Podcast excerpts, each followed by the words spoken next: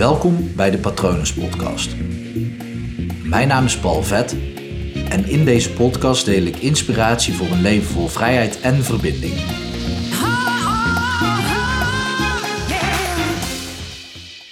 De beste keuzes maak je onbewust.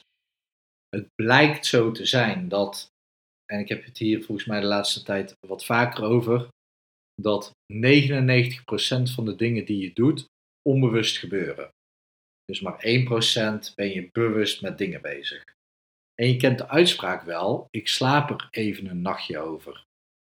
Dat blijkt dus echt een hele goede strategie te zijn.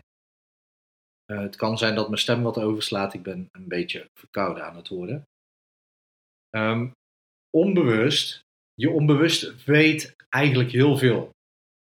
Weet eigenlijk 200.000 keer zoveel als je bewuste brein. Uh, als je dat in procenten uitdrukt, dan weet je ook, kan je precies uitrekenen hoeveel uh, je bewuste brein weet.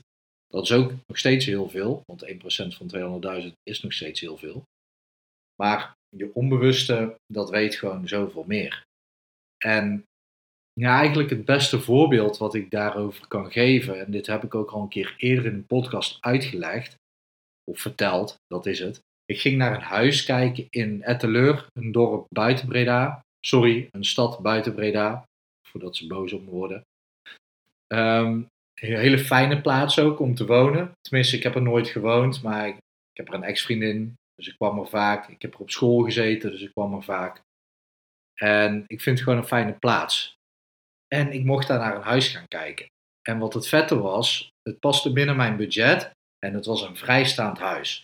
En dan niet met een lange oprit en helemaal midden in een, een of ander afgelegen terrein. Nee, wel tussen een aantal andere woningen in, maar wel vrijstaand. Gewoon geen last van buren.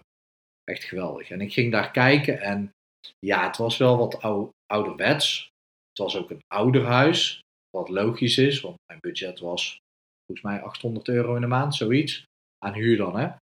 En ja, ik stopte daar binnen en ik, ik had wel zoiets van: oké, dit voelt wel enigszins vertrouwd. Het deed me ook een beetje denken aan mijn jeugd, van, van toen ik bij mijn moeder uh, opgroeide. Het, het rook rook een beetje naar rook. Mijn moeder rookte uh, in mijn jeugd, in de beginjaren nog gewoon binnen.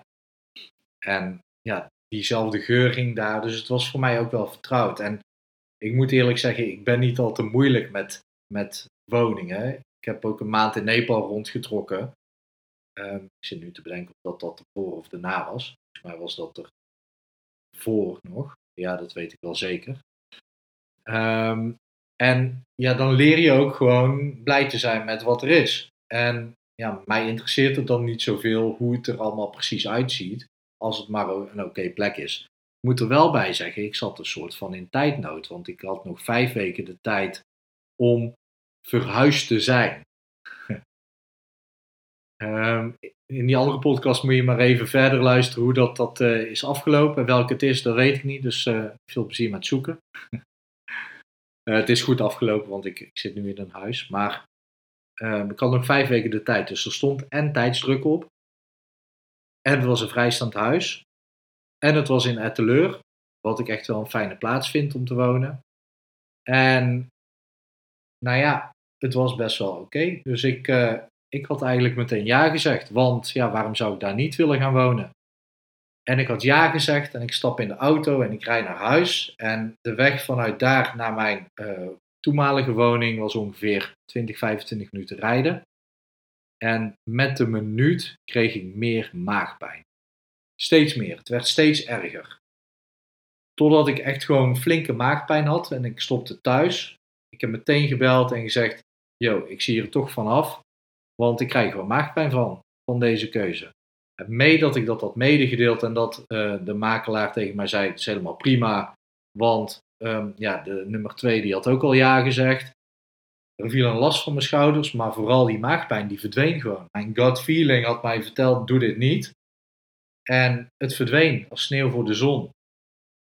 En toen kwam een paar weken later, twee weken later, kwam dit huis waar ik nu zit. Je ziet, je ziet alleen maar een witte muur achter me als je de video bekijkt.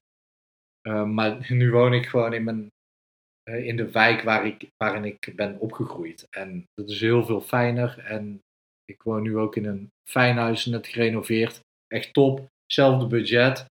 Dus ja, ik geloof heel erg dat het onbewuste heel duidelijk weet en vertelt wat er te doen is.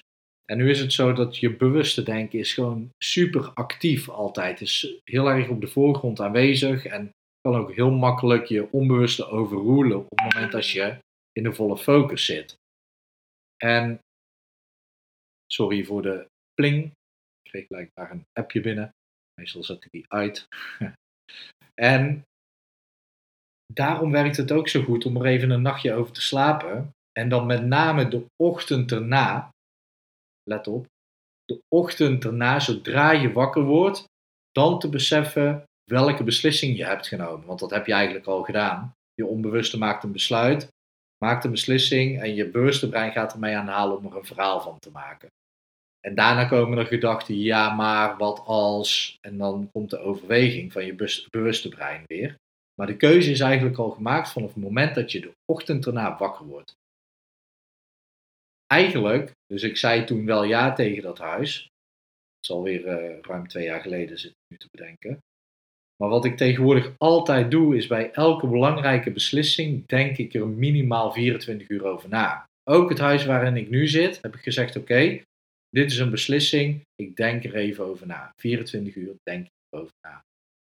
Dus uh, ja, mij helpt dat enorm om goed naar mijn onbewuste te luisteren. Want mijn onbewuste weet eigenlijk veel beter welke keuze ik te maken heb dan mijn bewuste brein.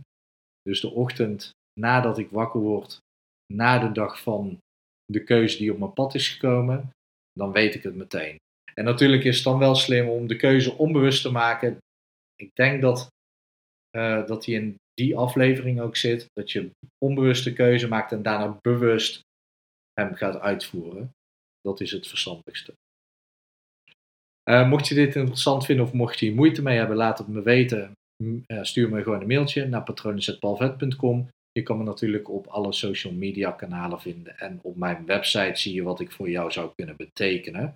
Uh, mijn website is www.palvet.com. Ik hoop dat het goed met je gaat. En ik wens je natuurlijk nog een hele mooie dag toe.